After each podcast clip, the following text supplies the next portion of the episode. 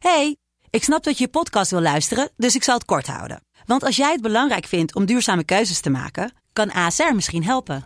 Nou hoor ik je denken, hoe dan?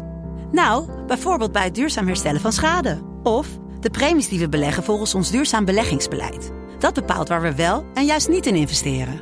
Wil je meer weten over welke duurzame keuzes ASR maakt? Ga dan naar asr.nl slash duurzame keuzes. ASR doet het.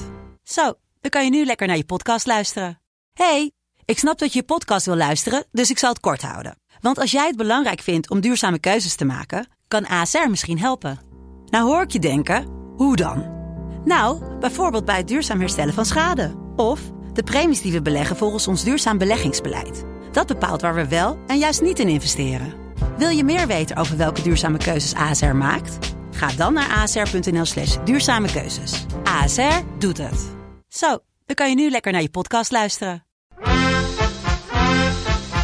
Mand. Dit is Mand, kortste podcast van Nederland. Vandaag wil ik het gaan hebben over de metaverse. Ja. René, heb je ervan gehoord? Facebook, Zeker. een nieuwe ontwikkeling, Ja. eh, VR. eh, Ja.